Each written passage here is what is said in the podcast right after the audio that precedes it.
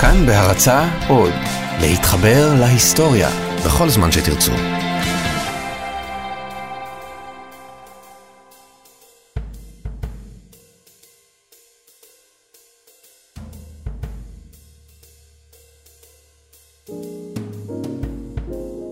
בשנת 2008, מדענים באוניברסיטת אוקספורד בנו המצאה שהגה אלברט איינשטיין בשנות ה-30. ההמצאה שלו הייתה מהפכנית בזמנו, והיא בהחלט עשויה לשנות את העולם גם היום. אלברט איינשטיין המציא מקרר. ולא סתם מקרר, אלא כזה שאינו מזיק לסביבה ולא מחובר לחשמל.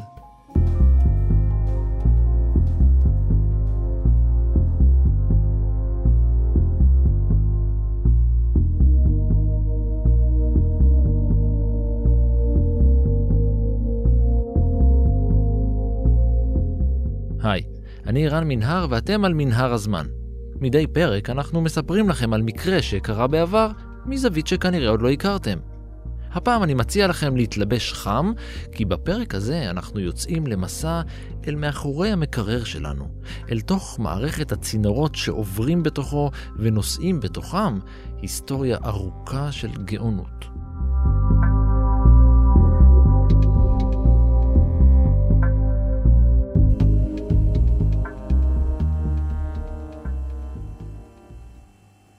בדרך כלל אנחנו לא שמים לב למקרר שלנו, אלא אם כן הוא פתאום מפסיק להרעיש.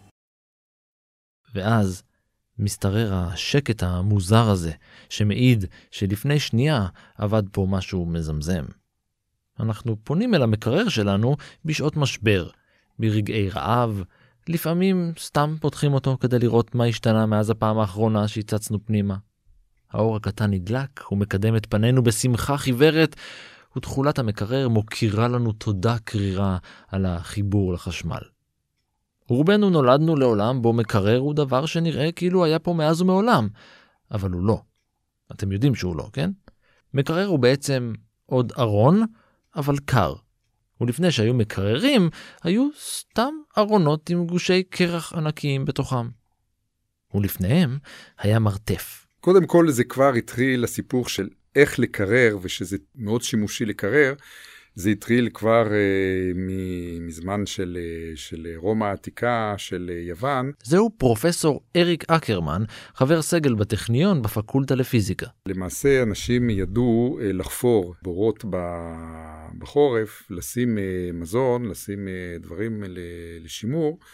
ולהשתמש ב, בשימור של, ה, של הקור, שזה מה שבעצם קשה, זה לא כל כך לקרר, זה אם כבר קר, נגיד אתה משתמש בחורף, שזה קר, אז לשמור על, ה, על הקור בתחילת המאה ה-19, העלו את השאלה האם, מה יותר טוב, לקרר או להשתמש בשיטות כמו מלח והכול. והבינו די מהר שלקרר זה הרבה יותר טוב, זה הרבה יותר יעיל וזה הרבה יותר טוב למזון, לאוכל. מי שרצה לאחסן מזון ללא שימור למשך לילה או עד הארוחה, היה צריך להשתמש במזווה כלשהו, עדיף קריר. באנגליה היה ממוקם המזווה בדרך כלל על הקיר הצפוני ביותר בבית, שהיה הקר ביותר. זה לא מזווה כמו שאתם מכירים מהבית של סבתא, אלא ממש חדר צונן, עמוס במדפים, ובבי תלייה עם בשר ונקניקים, כדי חמאה, עוגות, בקיצור, מזווה כמו שמזווה אמור להיות. אוכל היה נשמר שם במשך יומיים שלושה. ביחס להיסטוריה, ממש עד לא מזמן, עדיין הסתובבו פה מוכרי קרח. אבל לא כולם יכלו להרשות לעצמם לקנות קרח. באנגליה, למשל, בתקופה הוויקטוריאנית, אנשים עניים לא היו יכולים להרשות לעצמם קרח, וגם ככה היו קונים את המצרכים הדרושים לאותו יום, ולפעמים גם לאותו רגע. רגע, אבל איך בכלל מייצרים קרח?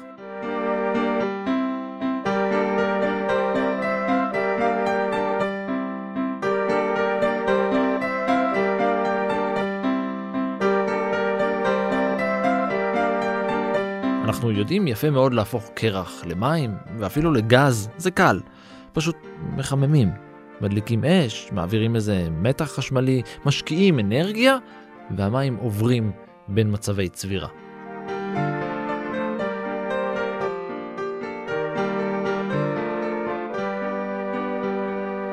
אבל איך עושים את התהליך ההפוך? איך שואבים מהמים את האנרגיה ומקפיאים אותם?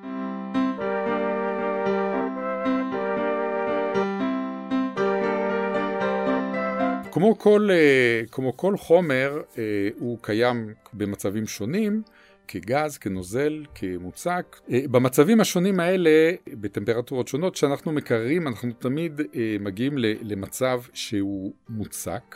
זאת אומרת שהאטומים מייצרים מצב כזה שהוא גביש רוב הזמן. הדבר היחיד שמאוד מיוחד במים זה הצפיפות. של המים במצב של נוזל ובמצב של מוצק, זאת אומרת של קרח. המוצק הוא הרבה יותר צפוף, הוא הרבה יותר כבד והוא אה, נופל. אה, במקרה של מים זה הפוך, זאת אומרת הקרח פחות צפוף ולכן הוא צף מעל המים. וזה מאוד חשוב כי אילו זה לא היה קורה, אז uh, בחורף כל הדגים וכל החיים שתת ימית היה. אפשר להגיד ממש הראשון שהבין את הנושא הזה ושהתחיל תחום בפיזיקה שקוראים לו תרמודינמיקה, זה צרפתי בשם אה, סדי קרנו. הוא כתב, ה... הוא כתב רק ספר אחד קטן, שהוא פרסם ב-1824, והספר הזה הוא נותן את ה... מה שנקרא היום בפיזיקה העיקרון השני של התרמודינמיקה. ועל בסיס העיקרון הזה אפשר לבנות כל מכונה טרמית שאנחנו מכירים. במכונות uh, טרמיות זה מקרר, זה מזגן, זה חימום, זה כל, זה, כל מה שאנחנו, מעברי uh, חום מצורה מכנית, מצורת חום, ואיך uh, להפור אחד, ל, אחד לשני. אם אנחנו רוצים לייצר uh, עבודה, זאת אומרת מכונה, אנחנו uh, יכולים לעשות את זה בעזרת שינוי מעבר חום ממקור אחד, שקוראים לזה מקור החם, למקור השני, שקוראים לזה מקור הקר. אבל עוד לפני שאנחנו מתחילים לייצר קרח, צריך להסביר ללקוחות הפוטנציאליים שהם בכלל צריכים קרח.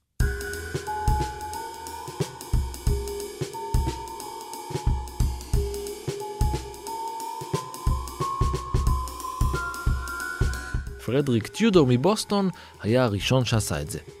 ב-1805 הוא שכנע את אחיו ויליאם שהם יכולים לדלות קרח מהאגמים של החווה המשפחתית ולשלוח אותו אל איי הודו המערבית הלוהטים.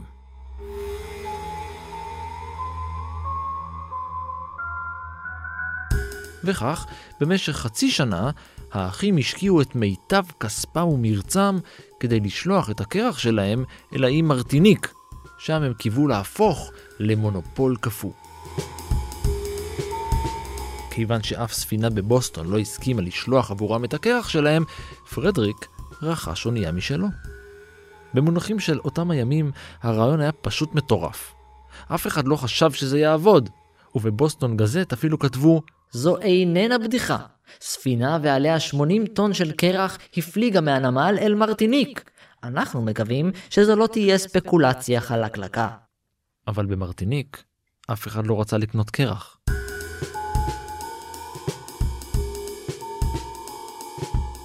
זו הייתה סיבה מספיק טובה עבור וויליאם לפרוש מהשותפות עם אחיו, ובחורף של 1807 פרדריק היה עצמאי. אחרי שלוש שנים נוספות של השקעה ללא תמורה והידלדלות ההון המשפחתי, ב-1810 הוא הצליח להרוויח כסף. אבל זה לא היה מספיק, ובמשך ארבע השנים הבאות הוא מצא את עצמו יוצא ונכנס מבתי סוהר של חייבים ומתחמק מהשריף בשאר הזמן. הוא היה בצרות. אבל זה לא הפריע לאובססיה שלו. הוא היה בטוח שהוא יכול להתעשר מקרח. וכדי לעשות את זה, הוא פשוט צריך לפרק את הבעיה מהיסוד.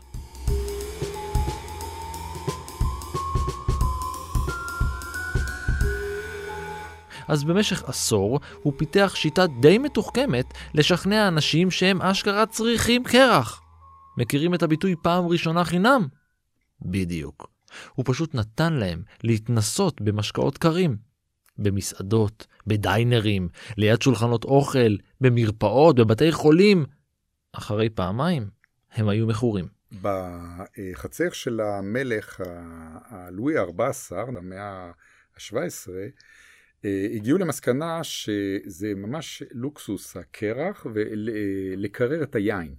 ויין יותר קר הוא הרבה יותר טוב. אתה יודע שאצל הצרפתים, ברגע שמדברים על יין וכל מיני צורות של יין וטמפרטורות וזה, זה נכנס למומחיות. אבל זה היה ממש לאנשים שהיו אה, בשכבה של האצילות. אף אחד בעולם לא ידע שהוא צריך קרח עד שטודור אמר לו. הוא היה מלך הקרח.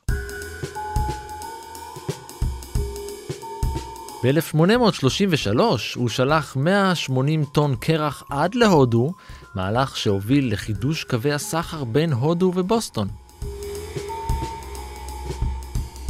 אבל עדיין, למרות שהעסק שלו התייצב והדרישה לקרח הלכה וגדלה, השיטה לא הייתה מושלמת. קציר הקרח היה איטי ומסורבל, וכמה שלא שכלל אותו, רק עשירית מהקרח הייתה מגיעה לשוק. טיודור מת ב-1864, איש עשיר, אבל התעשייה שהוא התחיל במו ידיו התפוצצה. ערים שלמות הוקמו על יד גופי מים קפואים, התחרות בין החברות השונות גברה, והשוק האמריקאי המתפתח דרש עוד ועוד קרח. באופן אירוני למדי, מתוך הצורך האדיר לקרר דברים, נולדה המצאה שגרמה למותו של שוק קורי הקרח ולסוף עידן הקרח. המקרר. זה שמקרר אה, שכנעו את האנשים כבר במאה ה-19, שמבחינת השימור למזון, לאוכל, זה הרבה יותר טוב לקרר מלשים במלח והכל, זה משהו ש, שהתחיל בהרבה מקומות שונים. בסוף, ה, אני חושב, המאה ה-19, וככה נכנס למאה ה-20. ולכן אז, אה, ברגע שהבינו את, ה, את העיקרון, איך אפשר לעשות את זה בצורה שיטתית, אז אה, חיפשו כל מיני פטנטים של, אה, של מקרר. המקרר הביתי הומצא בתחילת המאה ה-20 והפך יותר ויותר פופולרי ואמין. עד שנות ה-40 נמכרו חמישה מיליון מקררים. זה ש... שוב, שזה הרבה יותר בריא, כשאנחנו תמיד מדברים על העלייה הדרסטית במאה ה-20, של אה, תוחלת חיים בכל, בעולם המערבי וזה, זה ברור שהמקרר, היכולת לשמור על אה, מזון יותר טרי, ולכן יותר בריא, השפיע הרבה. כמו הרבה מההמצאות ששינו את העולם, גם המקרר הומצא לאט, במשך כמאה שנה, ועל ידי כמה וכמה ממציאים ומפתחים. עולם מדעי הטרמודינמיקה היה מוקסם מהרעיון של האפס המוחלט, הטמפרטורה הנמוכה ביותר. אז המדענים ניסו להגיע אליה. זה התחיל עוד ב-1755 עם הפרופסור הסקוטי ויליאם קולן.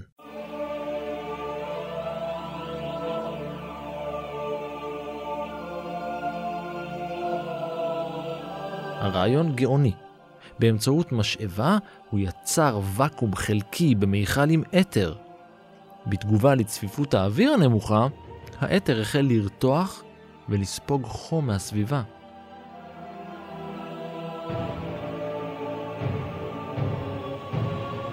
הוא עובר ממצב, אה, ממצב אחד למצב, אה, למצב אחר. זה, זה לא צריך להיות uh, מפתיע, זה, זה סתם קוריוז, זה בגלל שהנקודת החתיכה של, של האתר הוא הרבה יותר נמוכה מכל נוזל אחר. אז זה תכונה של הנוזל הזה, יש הרבה הרבה נוזלים מהסוג הזה. אבל בעזרת האתר, מה, שאנשים, מה שהמדען הזה עשה, זה לייצר קרח. בניסוי הזה של קולן אפילו נוצר מעט קרח, אבל זה היה ממש זניח. במשך מאה השנים הבאות המשיכו ממציאים שונים להסתמך על צפיפות של עדים כדי לשכלל את הצורה במקררים. למשל, הפיכה של עדי אמוניה לנוזל על ידי לחץ. ב-1834 ג'ייקוב פרקינס בנה את המערכת הראשונה לקירור שמבוססת על דחיסה של עדי גז. זו הייתה פריצת דרך, כי זו הייתה הפעם הראשונה בה נוצרה מערכת סגורה שיכולה לעבוד ולהזין את עצמה ללא הפסקה.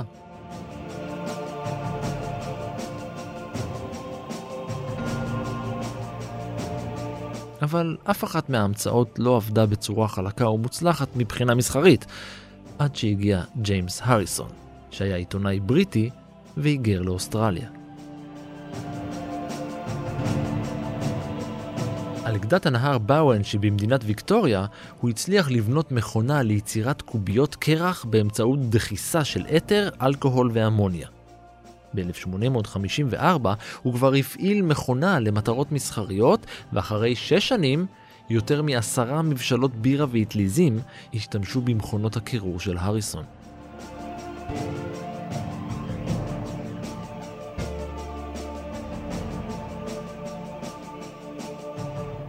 היה איזה צרפתי אחד, אני חושב בשם קרה, הוא, הוא הרכיב מקרר על ספינה, וכל העניין זה היה להביא בשר מדרום אמריקה, מארגנטינה נראה לי, לצרפת, ולהשוות ולראות מה המצב של הבשר שאתה מקרר אחרי 105 ימים אה, אה, של הפלגה.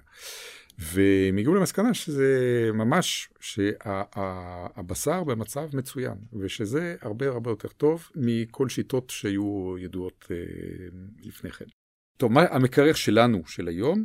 יש מנוע שהוא קומפרסור, יש נוזל, הנוזל הזה עובר למצבים שונים של אה, נוזל וגז, ותוך כדי שעובר את השינוי הזה, זאת אומרת משנים את הלחץ והטמפרטורה, אז הוא מתפקד לפי המעגל קרנו שניסיתי לתאר אה, קודם, את, ה, את, ה, את העבודה שלו, שזה להוריד טמפרטורה. המקררים המודרניים דוחסים ומרחיבים גזים מזיקים לאטמוספירה. אלה הם גזי חממה שנקראים פריאונים, והם הרבה יותר מסוכנים מפחמן דו-חמצני. תקלה קטנה במערכת הצינורות או במדחס המקרר, והגז הרעיל דולף החוצה. בשנת 1926 למשל, משפחה שלמה בברלין נחנקה בלילה אחרי שאחד האטמים במקרר שלהם נקרע. כשאלברט איינשטיין שמע על המקרה הזה, הוא היה מזועזע. הוא הרגיש שהוא חייב למצוא לבעיה הזו פתרון. ואם לא למצוא, להמציא.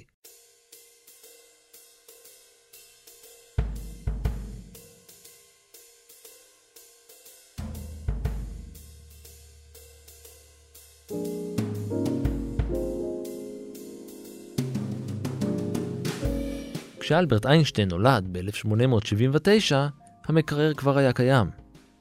כשהיה בן שנה, השתקעה המשפחה הגרמנית במינכן, ואביו, המהנדס של אלברט הקטן, הקים עם אחיו חברה לייצור מכשירים חשמליים שמבוססים על זרם ישיר. אחרי שנקלעה לקשיים, המשפחה סגרה את החברה וכולם עברו לאיטליה. כולם חוץ מאלברט שנשאר ללמוד במינכן. אבא רצה שיהיה מהנדס חשמל, אבל לאיינשטיין היו חלומות אחרים. הוא התווכח עם המורים שלו, הוא סירב לקבל את שיטות הלימוד שלהם. שנים אחר כך הוא אמר שמשמעת הלימודים הנוקשה באה על חשבון חדוות הלמידה והמחשבה היצירתית. בניגוד לדעה הרווחת, הוא מעולם לא נכשל במתמטיקה, ולמד בצורה אוטודידקטית חשבון דיפרנציאלי ואינטגרלים עוד לפני שהיה בן 15. יש הרבה אגדות uh, לגבי אלברט איינשטיין. חלק מהאגדות האלה זה, אה, זה נובע מזה שהרבה אנשים, אה, זאת אומרת כולנו, אנחנו מאוד רוצים לבוא ולהגיד האם אנחנו יכולים להיות אלברט איינשטיין. למשל, מישהו שאוהב מוזיקה, הוא לא מזדהה עם מוצרט, כי מוצרט היה גאון אמיתי שאי אפשר, אין, אין שתיים, זאת אומרת, יש מעט מעט מאוד מאוד. ועם איינשטיין מנסים לבוא ולהגיד, בעצם גם אני יכול להיות, כי הוא לא היה טוב בבית ספר, ואתה יודע, וזה... כסטודנט, שהוא הגיע ל... ל... ל... לשוויץ, לציריך, קצת יותר מאוחר, הוא לא היה סטודנט מאוד מאוד בולט ו... ומבריק. זה לא שהוא לא היה סטודנט טוב. הוא, הוא הגיע, הוא, זאת אומרת, הוא קיבל את הדיפלומה שלו והכל, אבל יש, יש אגדות על אנשים אחרים, זאת אומרת, על הרבה הרבה פיזיקאים או מתמטיקאים, שכבר בגיל 14 נכנסו לאוניברסיטה והיו היו כבר מין אגדות. איינשטיין בכלל לא. כשהיה בן 21, בשנת 1900, אחרי שסיים את לימודיו הגבוהים, איינשטיין חיפש מקום שיסכים לקבל אותו כמרצה. שנתיים. בצעד כמעט נואש ובעזרת פרוטקציה, הוא קיבל משרה זוטרה במשרד הפטנטים הפדרלי. הוא היה עוזר לבוחן פטנטים בדרגה שלישית. במסגרת העבודה הוא היה צריך לבחון כל מיני בקשות לפטנטים שעסקו בעיקר בענייני חשמל ותיאום מתוזמן של רכיבים מכניים חשמליים.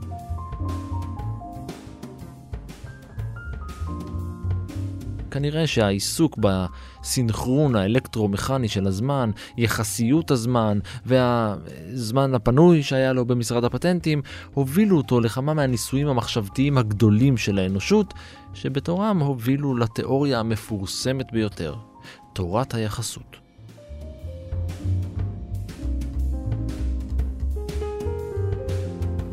לפני איינשטיין, מה שאנחנו אומרים, אנחנו אומרים שהמרחב הפיזי שלנו, התלת-ממדי, איפה שאנחנו מסתובבים, הוא הומוגני. מה זה הומוגני? זה אומר שאם אתה הולך אה, אה, בצד ימין, בצד שמאל, למעלה או למטה, בעצם אתה יודע שזה אותו דבר. זאת אומרת, אתה קורא לזה XYZ, אבל אתה יכול לקרוא לזה מה שאתה רוצה, לשנות את, ה, את השמות, זה אותו דבר. פירוש הדבר, המרחב שלנו הוא הומוגני. אבל הזמן הוא לחוד. יש לו ציר משלו. זה מה שהיה ידוע ומקובל, זה, קוראים לזה עקרון היחסות של גלילאו ופיזיקה מודרנית, ניוטון וכל זה, זה מבוסס על זה. הייתה בעיה שהייתה קיימת, אנחנו מדברים על 1905 פה, שהייתה הבנה של כל התופעות האלקטרומגנטיות, ששם יש מהירות מיוחדת, שקוראים לזה מהירות האור בריק. אי אפשר לעבור אותה, זאת אומרת, היא מיוחדת. ואז לפי התפיסה שלנו, של גלילאו ואיינשטיין וזה, לא יכול להיות דבר כזה. ואנשים אה, גרדו את הראש להגיד איך אפשר אה, לפתור את הפלונטר הזה. גם מתמטיקאים, גם פיזיקאים, שמות גדולים, לורנס, פואנקרה, בכל המדינות וזה, ניסו. ואיינשטיין הצעיר, אה, ב-1905, מנותק מכל דבר, מכל זה, בא ואומר, אני בעצם לא רוצה לפתור את הבעיה הספציפית הזאת, במיוחד, אבל יש לי תפיסה הרבה יותר כללית. אני מציע משהו, אה, איינשטיין היה בן אדם מאוד מאוד אה, צנוע. הוא בא ואומר, יש לי הצעה, אבל תעשו מה, מה שאתם רוצים מזה. וההצעה זה, עכשיו, במקום שזה רק המרחב התלת-ממדי שהוא הומוגני, זה המרחב זמן. אני מכניס את הזמן במרחב הזה והכל הומוגני. אם אנחנו מקבלים את זה, אז אנחנו פותחים הכל. כל הסיפור פה זה לבוא ולהגיד, אם אנחנו מקבלים שהזמן, המרחב והזמן הם הומוגנים, המושג של מהירות הוא מיותר. זאת אומרת, מקום וזמן זה אותו דבר. זאת אומרת, או מרחק ללכת מ-A ל-B, או הזמן שאני צריך ללכת ל-A ו-B, זה אותו דבר. זה בדיוק מה שאיינשטיין אמר. בשנים ההן של רנסאנס בתחומי המדע עסקו לא רק בפיזיקה תאורטית, אלא גם במדע יישומי, כמו הטרמודינמיקה, המדע שבוחן חום, אנרגיה ותנועה. וכן, מקררים היו עניין מדעי.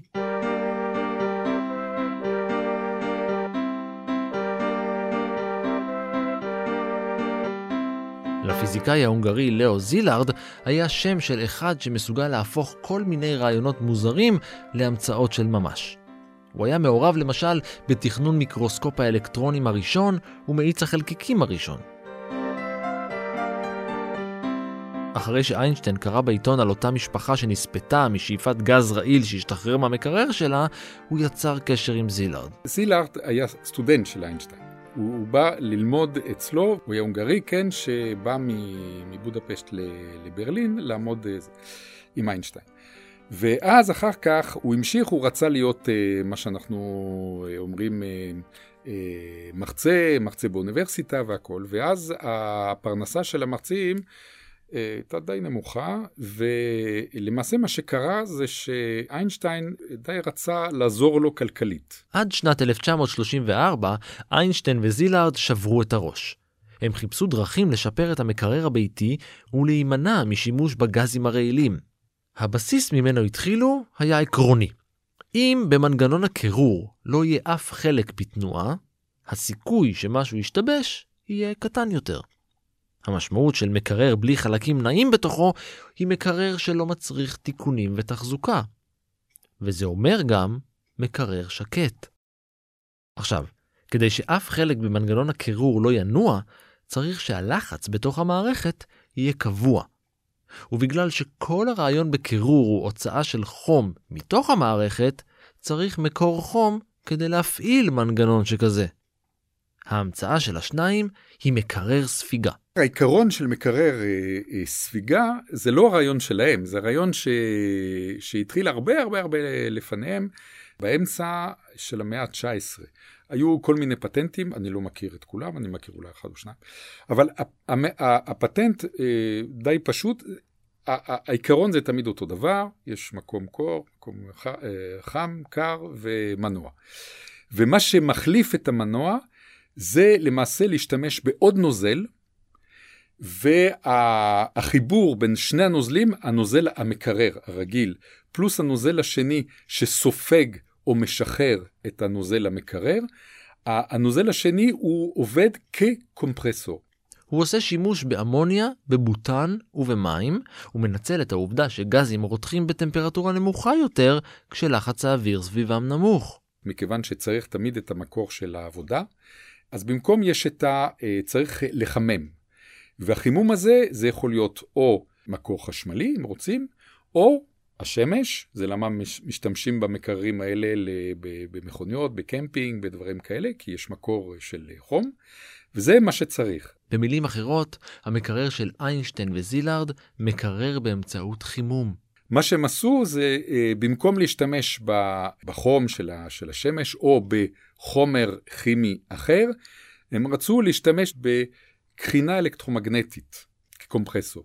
איינשטיין השתמש בניסיון שלו במשרד הפטנטים ודאג שהפטנט יהיה רשום על שמם שלו ושל זילארד בשש מדינות. 45 פטנטים לשלושה מודלים שונים של ההמצאה. איינשטיין עבד על תרמודינמיקה ועל מכניקה סטטיסטית הרבה הרבה יותר מעל כל דבר אחר. והוא, זה לא רק שהוא עבד בזה, הוא אחד מהאנשים החשובים, התרמו בצורה משמעותית למכניקה סטטיסטית ותרמודינמיקה. המאמר, העבודה הכי מצוטטת שלו, שזה הדוקטורט שלו, זה על תנועה בראונית, זאת אומרת לראות איך, איך אפשר לשבור את, ה, את העיקרון השני של התרמודינמיקה. זה עבודת דוקטורט שלו, והוא המשיך לעבוד על זה בכל מיני היבטים, היבט של, של תנועה בראונית, היבט של קרינה גוף שחור, זאת אומרת איך אפשר לחמם ולקרר על ידי קרינה, לא על ידי נוזל. והוא היה מאוד מאוד מאוד עסוק עם תרמודינמיקה, וזה, והוא היה ממש מומחה, אחד מהמומחים מה, הכי, הכי גדולים שיש.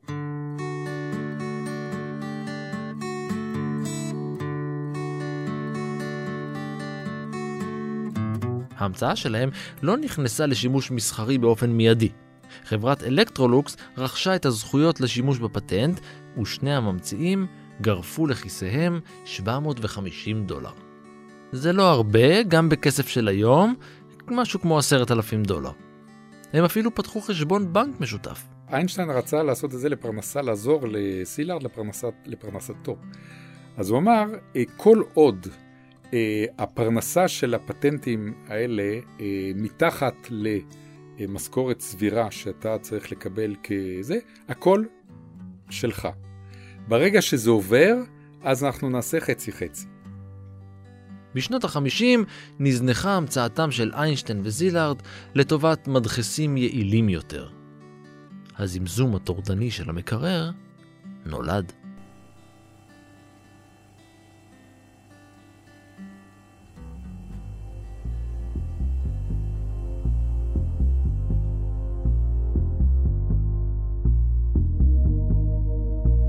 ועד כאן מנהר הזמן להפעם. אם אתם עדיין לא עושים את זה, אני ממליץ לכם להאזין לנו דרך האפליקציה כאן אודי. אתם יכולים לשמוע את מנהר הזמן ועוד פודקאסטים נוספים גם באתר של כאן.org.il או באפליקציית הפודקאסטים המועדפת עליכם.